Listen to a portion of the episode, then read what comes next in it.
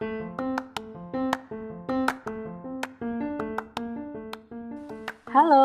jumpa lagi di sini di podcast saya. Dan di episode kali ini kita akan coba nih ngomongin tentang self care. Nah, mungkin beberapa teman itu sudah tahu ya self care itu apa. Karena sebenarnya definisi self care itu sendiri adalah sebuah tindakan merawat diri sendiri, physically dan mentally. Tapi kita nggak akan bahas soal mentally nih di sini. Kita mungkin akan lebih fokus di pembahasan gimana sih self care kita physically. Apa sih yang biasanya dilakukan orang untuk uh, menjaga kebahagiaan dirinya Hai hai hai hai, jumpa lagi. Semoga nggak bosen ketemu di aku. Nggak boleh bosen dong kalau sama aku. Oke, rasanya mungkin kalau obrolan kita tuh bisa macam-macam ya, mulai dari hal yang serius hmm. sampai ke hal yang oke okay, remeh bisa... temeh ya. Oh nggak bilang remeh temeh, receh. Oke, eh, oke kita Jeng, kita akan bahas tentang self care nih di sini. Mm-hmm. Kita tahu kalau self care itu tiap orang itu beda-beda mm-hmm. gitu ya. Mm-hmm. Uh, pengaplikasian pada dirinya sendiri. Mm-hmm. Tapi sebenarnya kalau kita ngelihat dari definisi utamanya bahwa self care itu adalah merawat diri sendiri gitu ya. Mm-hmm dan itu ketika kita merawat diri sendiri itu kan akan berpengaruh sekali terhadap kesehatan uh, fisik, terhadap apa memfokuskan kembali pikiran kita mm-hmm. dan yang paling penting itu kita bisa mengurangi stres. Iya, stress relieving. Oke, dan sebenarnya ada banyak hal, ada banyak poin yang bisa kita bahas kalau kita ngomongin soal self care mm -hmm. gitu ya. Bisa dari fisik, bisa mental. Tapi kita nggak mau ngomongin mental nih, karena itu nanti ada bagiannya sendiri. Iya, karena kita nah, sendiri eh, sedang berjuang di masa pandemi ini ya. Betul. Jadi kita coba dulu lah dari hal-hal yang paling sederhana yang bisa dilakukan orang tanpa harus berusaha keras gitu. Artinya hal yang paling basic kan merawat diri sendiri secara fisik gitu. Nah, ada banyak hal sebenarnya yang uh, bisa dilakukan orang, entah itu dia olahraga, entah dia misalkan uh, menjaga makanannya gitu ya, apa kan termasuk fisik ya. Dan ada juga yang ini, uh, aku tergeletik banget untuk ngebahas tentang skincare. Skincare, skincare. itu ya, kita kasih backsound ya harus uh -uh. skincare. nah, skincare ini kan uh, jadi tren ya sebenarnya uh, belakangan ini ya mulai dari produk import produk lokal jadi orang ini berlomba-lomba untuk memilih skincare. Dan ternyata dalam perjalanannya mencari skincare itu sama kayak mencari jodoh. Waduh. Ya gak? perlu trial and error kayaknya. Iya betul. Jadi butuh perjalanan yang panjang. Belum tentu perjalanan yang panjang itu cocok. Cocok. kalau nggak jodoh sedih kalau ya. jodoh ya. udah. Belum lagi kalau purging ya serem banget itu. Horor.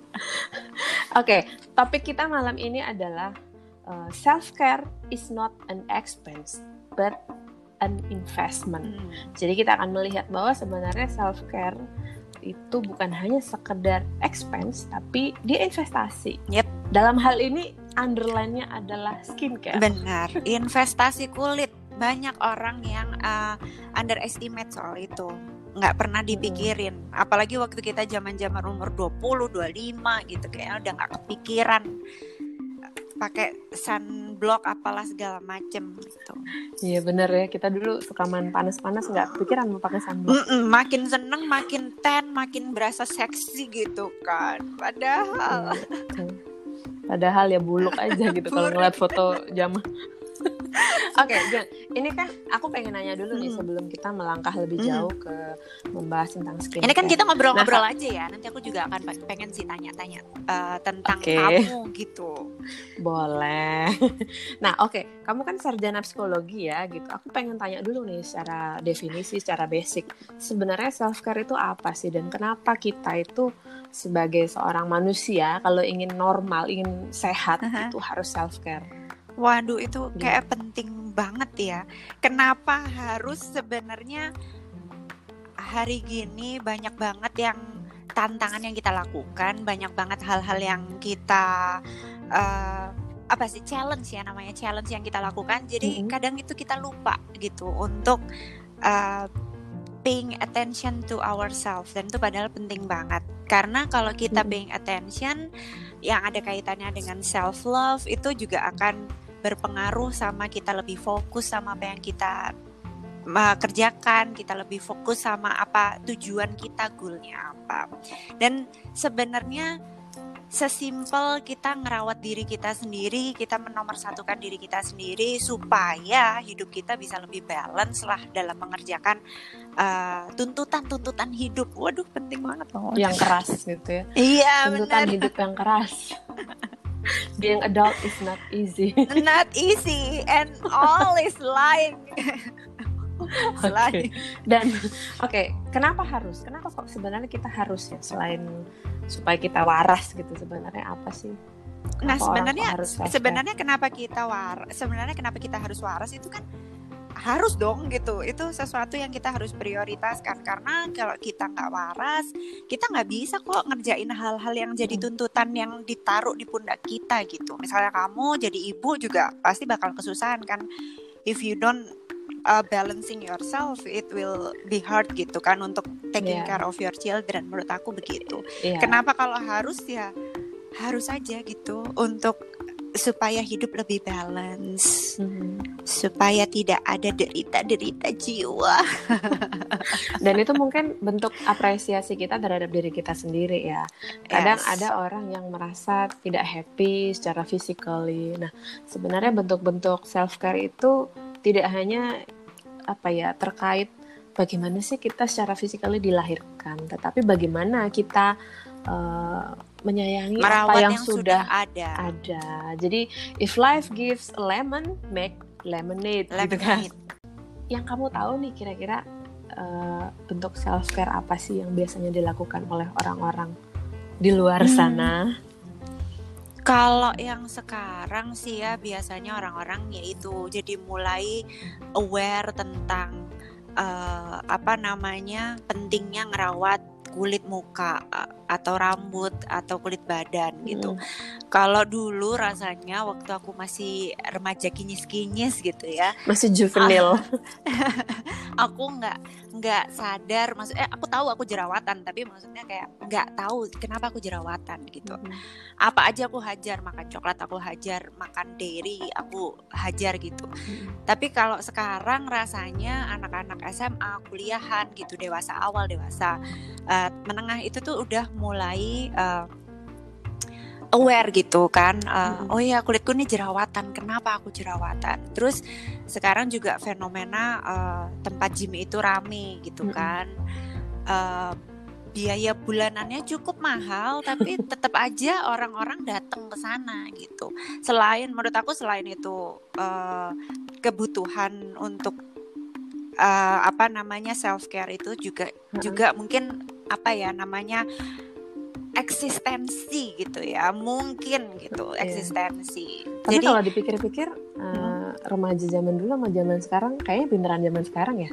oh jelas dong kan karena informasi juga udah kebuka Iya, akses betul. untuk cari-cari gitu Bisa dibayangkan kan kita dulu jerawatan ah masa bodoh gitu. ah, masa bodoh terus kayak kita tuh ngikutin ngikutin omongan orang tua kan jadi kayak Iya. oh ya kalau kamu jerawatan kamu minum jamu gitu atau apa gitu tanpa kita tuh dikasih tahu padahal hari gini anak Penyebabnya apa? gitu. penyebabnya apa hari gini anak SMA udah tahu gitu Mm-mm. oh aku jerawatan nih jerawatan di jidat tuh artinya aku stres gitu aku Mm-mm. kurang tidur gitu kalau di pipi karena makanan kalau di dagu karena hormonal gitu kayak mereka udah udah paham aja udah katam gitu Kalau kamu biasanya jerawatan karena apa? Masih jerawatan nggak sih?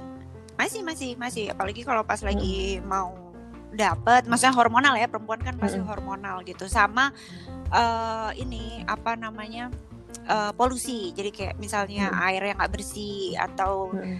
aku kan ini ya MRT mania ya mantap nah itu kalau udah udah lagi naik. Iya, dibakar lagi kan. Nah, kalau pas lagi naik-naik public transport gitu tuh kalau nggak pakai masker maksudnya sebelum corona ya aku kan selalu pakai masker kalau lupa pakai masker tuh udah pasti ke- keluar gitu kayak jerawatnya Mm-mm. menyapa halo gitu kangen aku nggak gitu Tapi kalau aku juga masih jerawatan, cuman bedanya ya nih orang kalau jerawatan itu kan pada saat mau mens atau mhm. la- lagi mens gitu nih kalau aku kebalik justru ketika aku sedang ovulasi gitu ya maksudnya lagi Oh, masa iya, iya, iya. Itu bisa kayak jerawatan dan ketika aku Mm-mm. mens itu halus gitu mukaku Iya iya agak iya iya. aneh sih Aku kayaknya aku pernah tuh dalam posisi kayak gitu tuh yang kebalik-balik gitu. iya apa mungkin memang secara hormonal kita itu Udah mulai ngacak itu- ya. iya udah mulai nggak jelas ini DNA-nya berhenti di mana Iya, gitu. udah mulai ngacak. Ini gue ngapain nih? Gue lagi apa nih gitu. Hormonnya bingung gitu. Tapi kamu sendiri tuh setuju nggak sih kalau menurut kamu tuh self care itu lebih ke tren atau memang orang-orang sudah mulai notice gitu. Oh, ini tuh penting nih aku ngerawat diri, ngejaga makanan, olahraga itu udah mulai penting nih gitu. Atau ya ini emang tren aja gitu. Nanti suatu ketika tren ini akan berputar dan itu akan hilang. Menurut kamu apa? Eh, kalau menurut aku bisa dibilang ini juga tren karena kan banyak sekali ya influencer-influencer yang memang mempopulerkan skincare mulai dari merek lokal. Ya kita akui saja lah belakangan ini merek lokal tuh emang jadi bagus banget gitu. Eh, perkembangannya ketimbang misalkan eh, 5-10 tahun yang lalu. Dan eh, apa ya tren itu aku nggak bisa bilang Mm-mm. aku belum tahu tren ini akan memudar atau enggak. Tapi aku rasa kalau kita ngomongin skincare ya di saat semua sekarang orang itu sedang pamer wajah gitu artinya Mm-mm. kalau kamu di sosial media yang paling utama dilihat terlebih dahulu kan eh, appearance-mu mukamu wajah setuju. Orang rela em, meroboh em, memakai filter-filter banyak untuk supaya terlihat halus. Mhm. Nah, itulah kenapa aku rasa Mhm. kayak tren skincare ini masih terus akan berjalan sampai beberapa ya satu dekade itu masih oke sama. Mm. Tapi Masih kan kalau lah. sudah ada kalau sudah ada filter kan seharusnya orang makin males ya ngerawat Hmm, muka. Enggak. Tapi orang akhirnya sekarang kembali ke ini kesadaran diri untuk kembali ke Iya, nature Ah. gitu. Lifestyle-nya agak sedikit berubah ya. Iya, orang jadi lebih bertanggung jawab tentang apa yang terjadi dengan dirinya sendiri, termasuk cara dia menjaga kulitnya. Jadi orang sudah tidak lagi berpikir bahwa ah kan ada filter, tetapi lebih daripada itu, ketika kita menjaga kesehatan kulit wajah kita ya yang paling kelihatan banget. Hmm. Nah itu secara tidak langsung akan berpengaruh juga ke eh, fisik kita yang lain ya. Kayak misalkan kalau kita bahagia lihat wajah glowing gitu kan, otak kita Mm-mm. juga nggak stres gitu ya. Mm-mm. Benar setuju banget soalnya Iya. kadang-kadang kan kita apa lagi pakai filter itu kayak berasa cantik udah make upan gitu kan tapi kalau ngaca ya Allah burik banget Gini. gua gitu Dan ini ketika dalam prosesnya, eh, kalau kita ngomongin skincare itu kan tidak hanya harus yang berupa oles gitu ya atau berupa produk yang dioleskan, tapi kan kita juga harus ngimbangin sebenarnya pola hidup sehat, mulai dari makan, mulai dari Sip. aktivitas fisik. Nah, secara tidak langsung ketika orang memulai dengan dua hal itu, maka dia kan dapat eh, dua satu kegiatan dia bisa dapat dua Mm-mm, venue, benefitnya ya. benefit Mm. gitu, Mm-mm. betul sekali. Gitu deh. setuju setuju. Kalau kamu sendiri lagi apa sih maksudnya lagi getol-getolnya self care apa gitu? Maksudnya selain Aku- skincare gitu apa gitu? Aku sih ber- berhubung ini di rumah aja ya justru makeup makeupku itu jarang kepake. Paling aku cuma akan pakai makeup itu ketika mau zoom gitu. Benar benar benar. Setuju Tapi setuju. lebih daripada itu aku realize gitu. Maksudnya aku udah usia segini. Ya mulailah ada keluhan-keluhan ya flek hitam dan tiba-tiba kulit tuh jadi kayak eh, kering banget. Nah Iya iya tapi hal basic yang aku lakukan sih, aku tuh bukan tipikal kulit yang butuh rejim yang sangat detail gitu. Enggak jadi Mm-mm. untungnya kulitku tuh nggak rewel. Jadi ya produk-produk apa ya istilahnya eh, apa sih namanya kalau beli di beli di tempat umum itu eh, Drugstore. drugstore drugstore. Itu aman banget. Jadi alhamdulillah kulit aku nggak rewel dan nggak oh kamu nggak rewel ya? Nggak rewel Iya, ya kalau nggak pakai rewel. aduh say beruntung sekali. Gimana Ya gimana? Kalau kamu gimana Nah itu dia kadang itu aku mendefinisikan orang tuh ya eh, kebahagiaan orang bisa traveling keliling dunia gitu kan. Nah kalau aku ngerasa ini kalau ada orang bisa pakai skincare drugstore dan aman-aman aja ya ampun tuh kayak keberuntungan ya. halusinasi buat aku. Apa berarti berarti ini dong ya uh, effortsnya agak ekstra nih kalau di kamu tentang iya skincare. sebenarnya kalau masalah duit sih enggak ya maksudnya kan kalau sekarang lagi banyak skincare lokal yang affordable hmm. harganya cuman aku tuh harus ngerti detail ingredientsnya apa. Jadi pernah mm -hmm. tuh suatu malam, mungkin tiga tahun lalu, aku tuh menghabiskan malamku untuk nge-youtube ingredient skincare. Coba, aku kayak belajar kimia, say. Jadi kayak misalkan niacinamide itu untuk apa? Bener, gitu. bener terus kayak retinol untuk ini, apa? Bener, niacinamide ini nggak boleh digabung pakai apa gitu. Terus hmm kalau mau nge-layer tuh bolehnya apa sama apa ya ampun belajar kimia say malam-malam terus terang akhirnya gini jadi kulitku tuh kan sebenarnya ya nggak bagus juga. Ya tapi ya nggak jelek juga. Jadi ya in between lah. Nggak nah, rewel nah, lah ya. nggak rewel. Dan untungnya nggak uh, butuh rejim yang kayak harus berlayer-layer aku tuh sehari-hari cukup pakai pelembab sama sunblock gitu sama krim malam udah cuci muka udah gitu doang Iya dan ya, dan tapi, itu sebenarnya uh, protokol basic sih yang harus kita lakukan uh, kan gitu bersihin, iya melembabkan sama exfoliate gitu kan seminggu sekali. Oh iya gitu. exfoliate itu juga penting. Tapi ya coba deh mungkin nanti siapa tahu aku di usia 40 45 kepikiran gitu ya untuk layering ekstra gitu. Aku juga nggak wow, ngerti. Kamu kalau lihat nih di depanku sekarang ada satu dua tiga empat sepuluh botol. Jadi agent ya.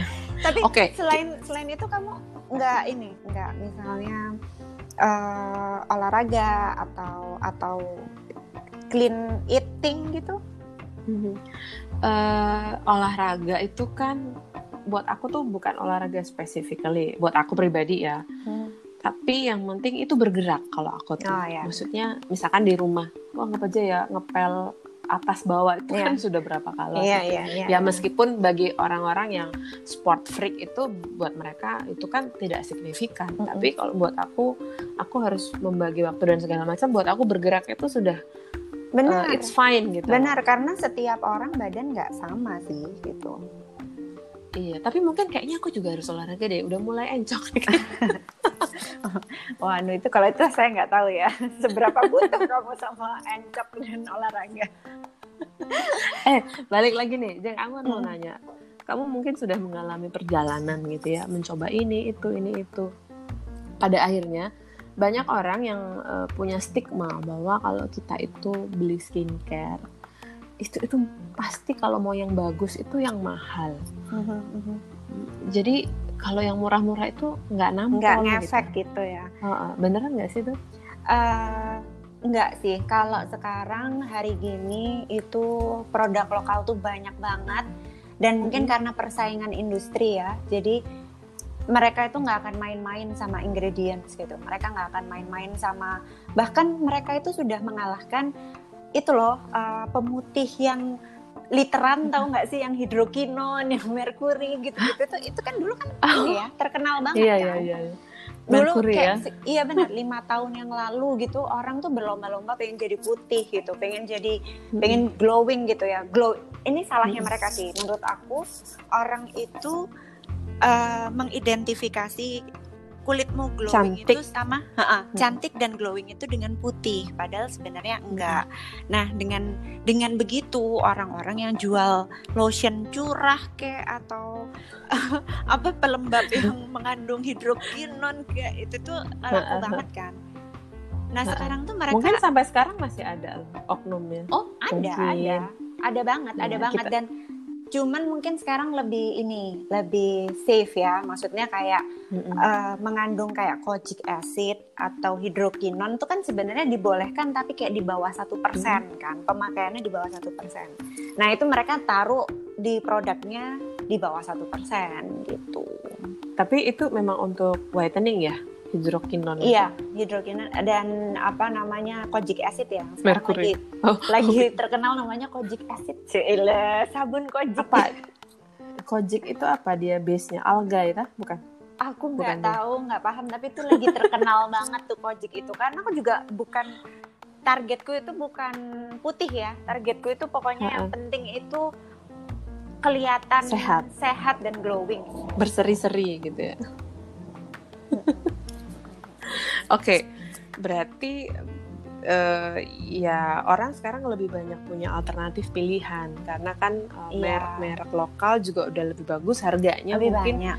uh, terjangkau juga ya. Terjangkau, affordable benar. tinggal kita milih aja. Mm-mm. mau yang mana? Misalkan kalau mau yang uh, kenceng kayak punyanya Maya Estianti ya Ah. sok gitu tapi kalau anda misalkan budgetnya cuma segini sok silahkan Iya iya kayak kayak Nah. budget berapa aja dapet gitu menurut aku yang sekarang itu dan cukup aman cukup aman dan signifikan aman. hasilnya itu signifikan Mm-mm. cuman kuncinya sebenarnya kalau skincare itu sabar ya sabar Eh, karena memang nggak ada ya yang yang beneran eh, apa instan kalau instan tuh justru kan perlu dicurigai karena nanti lepas Hmm. dari skincare itu pasti ada efeknya gitu ada Hmm. sih satu produk khusus ya yang aku itu sebenarnya agak nggak percaya produk buat ini under eye itu tuh mau Mm-mm. harga berapa aja bahkan harga 1,5 juta pun itu menurut aku tuh Mm-mm. aku nggak nggak percaya it will works gitu di kamu nggak tahu mungkin. kenapa Eh, nggak sih soalnya gini kalau kalau kamu puffy eyes terus habis itu kalau kamu matamu apa ada dark circle itu kuncinya ya Mm-mm. kamu istirahat. Istirahat yang Mm-mm. cukup dalam damai gitu kan nggak kepikiran aduh besok presentasi gimana nih? Gitu loh. Ngerti nggak sih? Aduh itu tuh besok klien gimana? Klien gimana nih? Ini MOU-nya udah cocok nggak ya? Deal nggak ya? Gitu. Nggak usah mikir yang kayak gitu. Nah sedangkan menurut aku kalau udah seusia kita itu kan agak susah ya menemukan tidur Iya, dalam kita tuh- kedamaian gitu. agak tricky juga sih tapi itu kejadian loh di aku kayak misalkan ketika ketika aku tidur di atas di atas jam satu dan Mhm. itu aku repetisi beberapa hari gitu jadi kulitku tuh yang kayak berminyak terus eh, pokoknya mau diapa-apain tuh kayak jadi jelek aja. Nah itu biasanya aku eh, ngakalinnya dengan aku mencoba untuk tidur teratur sebelum jam 10 gitu ya. Dan aku lakukan dapat 2-3 hari it getting better gitu. Jadi sebenarnya intinya macam-macam sih ya kalau kita ngomong self care akhirnya skincare sih ya gitu Mhm. ya. kita harus eh, harus eh, Ngerti support badan dari situ kita, juga. badan kita juga itu Mm-mm. penting ya.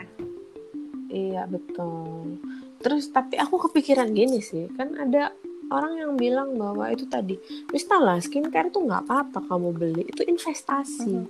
padahal kan ya nggak semua orang juga gitu punya Budget. kemampuan finansial yang sama gitu kan. Nah, berarti ketika dia tidak mampu gimana coba? Maksudku aku tidak bermaksud mendiskreditkan Iya, iya, siapa pun, cuman ya you know lah iklan itu kan macam-macam. Pada akhirnya ketika dia tidak mampu membeli yang kadar BPOM-nya itu bagus, nah akhirnya dia membeli yang berbahaya tadi. Mhm. Nah, kalau kayak gitu gimana? Itu Kalau instan nggak sih? Enggak sih, kalau aku tuh sekarang gini sih ya. Eh, yang paling dasar basic foundation dari self care itu kamu itu paham badanmu itu butuh apa dan kenapa. Sebenarnya Mm-mm. kayak mau semahal apa pun skincaremu, tapi kalau kulitmu dehidrasi, kamu jarang minum air putih, terus habis itu kamu minum soda, soda, soda, soda, kopi, kopi, kopi, yang nggak akan selesai juga kok masalah kulitmu itu gitu. Mm-mm. Yang aku pikirin kalau misalnya orang nggak punya budget atau budgetnya terbatas uh, untuk untuk maintain uh, skincare itu tadi, menurutku bisa pakai macem-macem nggak harus yang berbahaya. Nih waktu aku PSBB ya, waktu aku di rumah aja, Mm-mm. itu aku menemukan metode yang improving kulitku banget dengan harga sangat murah. Jadi aku itu kan Apa itu? beli aloe vera uh, Nature Republic itu kan yang semua orang ber- Ah-ah. berjuta-juta umat tuh pakai gitu ya. Dan biasanya kan kita pakai itu sebagai pelembab. Uh, ternyata sebenarnya itu uh, aloe vera itu tidak boleh dijadikan pelembab karena itu ingredientsnya beda karena dia juga mengandung alkohol. Jadi kadang-kadang dia mengambil moist di kulit. Tapi Heeh. karena aku ngerasa ini aloe vera ini harusnya ber ngefek nih buat kulit tuh harusnya ngefek gitu loh. Walaupun Mm-mm. kecil tapi ngefek. Akhirnya aku pakai aloe vera itu eh, kayak eh, masker. Jadi demblok-demblok gitu. Tak pakai di seluruh muka, Oh, demblok-demblok. ha-ha, ha-ha. Terus aku berdiri di depannya fan atau aku nyalain AC.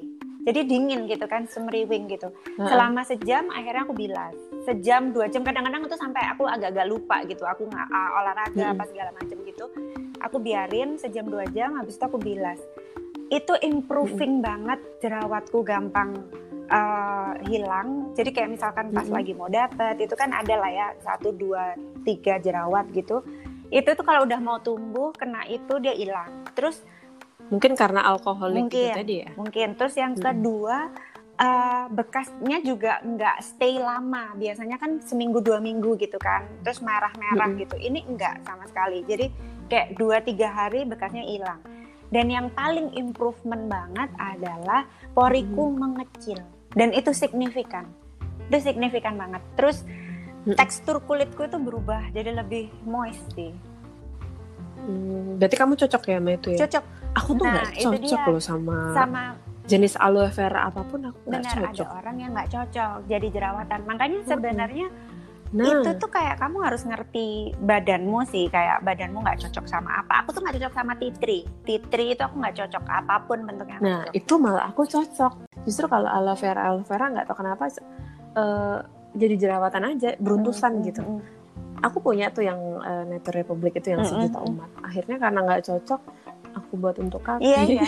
daripada Iya, saya. benar, benar, benar. Jadi itu sih kalau tadi impactnya adalah orang nggak punya budget untuk beli skincare gitu ya. Kayak tahu aja gitu badannya tuh butuh apa gitu. Kadang ses- sesimpel kamu diet gula pun itu tuh im- itu improving loh buat kulit. Iya gitu. betul. Ngefek Mm-mm. banget ya, itu bisa bikin jerawat Mm-mm. berkurang. Dan kalau aku sih biasanya ini kopi ya, kopi tuh kalau udah kadung kenceng Hmm. banget, aku minum kopi nggak tahu kenapa kulitku tuh kayak jadi lebih mudah untuk Hmm, berjerawat. benar. Mungkin karena ekstra gulanya Iya. itu ya. Aku kemarin sempat sih kayak ngobrol sama temanku gitu. Eh, dia lagi jerawatan kan. Terus waktu aku menghabiskan Mm. 2-3 hari bersama dia itu aku ngerasa nih anak bahaya sih gulanya kayak di atas rata-rata. Terus aku bilang, iya aku bilang mbak coba deh kamu cut gula gitu. Eh, kalau bisa sih seminggu, kalau eh kalau bisa sih 21 hari, kalau nggak bisa dua Hmm. minggu, tapi kalau nggak tahan banget seminggu gitu. Nanti coba lihat kulitmu Hmm. kayak apa. Dan ternyata emang benar Hmm. gitu. Jadi self care itu bentuknya banyak dan kaitannya dengan skincare itu juga pasti ada penunjangnya. Cuman Iya, kalau enggak ya yang paling basic adalah you listen to your body sih butuh apa. Jadi kamu setuju dong yang dibilang bahwa self care itu itu Oh, investasi, setuju not banget, an expense. apalagi saya, saya. itu tuh aku udah dari tiga tahun yang lalu sih. Aku ketika ngelihat Luna Maya ya, Luna Maya itu kan setahun di atas kita gitu ya. Emang udah orangnya cantik kan. Terus aku ngeliat nih kulit kok gitu banget ya gitu. Ya aku tahu dia public figure di mana dia selalu ngerawat kulit. Tapi kok ini kayak, hei kamu 36 loh sis gitu. Waktu itu ya, kamu 36 loh sis kok segini segini banget ya kulitmu tuh kencang banget gitu. Terus eh, Ayu Dewi itu ngomong Luna Maya ini investasinya di kulit banget dan dari situ aku kayak iya emang bener gitu loh. Kamu apalagi kan kayak kamu masih single gitu ya kayak kamu you, you need to find somebody gitu kan. Nah ini tuh take care take care kulit kamu gitu. Nah aku tuh kayak setuju iya sih investasi paling penting itu sebenarnya kulit dan mental. Ya, oke itu itu yang eh, lagi struggling banget buat sebagian besar Mhm. orang mental di di era pandemi Mm-mm. kayak to gitu. stay sane ya babe. Iya, of course. Dan itu ternyata related banget. Jadi kan sebenarnya sebenarnya kalau mental dan fisik itu kan vice Hmm. versa ya. Artinya mereka akan saling mempengaruhi. Nah, ketika mental kita nggak bagus nih, kita ngerasa nggak Hmm. enak aja, itu ngefek juga ke kulit. Ya begitu juga Hmm. sebaliknya. Nah ini aku nanya nih sama kamu nih ya. Gini, aku Mm-mm. pernah melihat uh, fotoku sendiri ketika aku gitu ya lagi tanda kutip tuh lagi bahagia banget, lagi seneng gitu. Lagi, Pas lagi jatuh tuh? cinta katakanlah nih ya. lagi jatuh cinta gitu. Rasanya tuh kayak lagi seneng aja gitu. Oke. Aku melakukan perjalanan yang aku suka, aku lagi suka sama orang kayak Mm-mm. gitu-gitu tuh. Dan di foto itu beda banget loh. Maksudnya uh, mataku itu tuh kayak beda gitu. I- ya, Lebih I- bersinar I, I, gitu think ya. my eyes was sparkling ya. Nah kalau kamu nih kan kamu uh, udah bersuami, udah berkeluarga, udah punya anak tiga gitu ya. Eh, tiga gitu ya. kan, kan ya tiga gitu. Nah itu apa yang membuat si kayak rasa-rasa jatuh cinta sparkling in your eyes tuh balik lagi gitu Aduh, berat banget.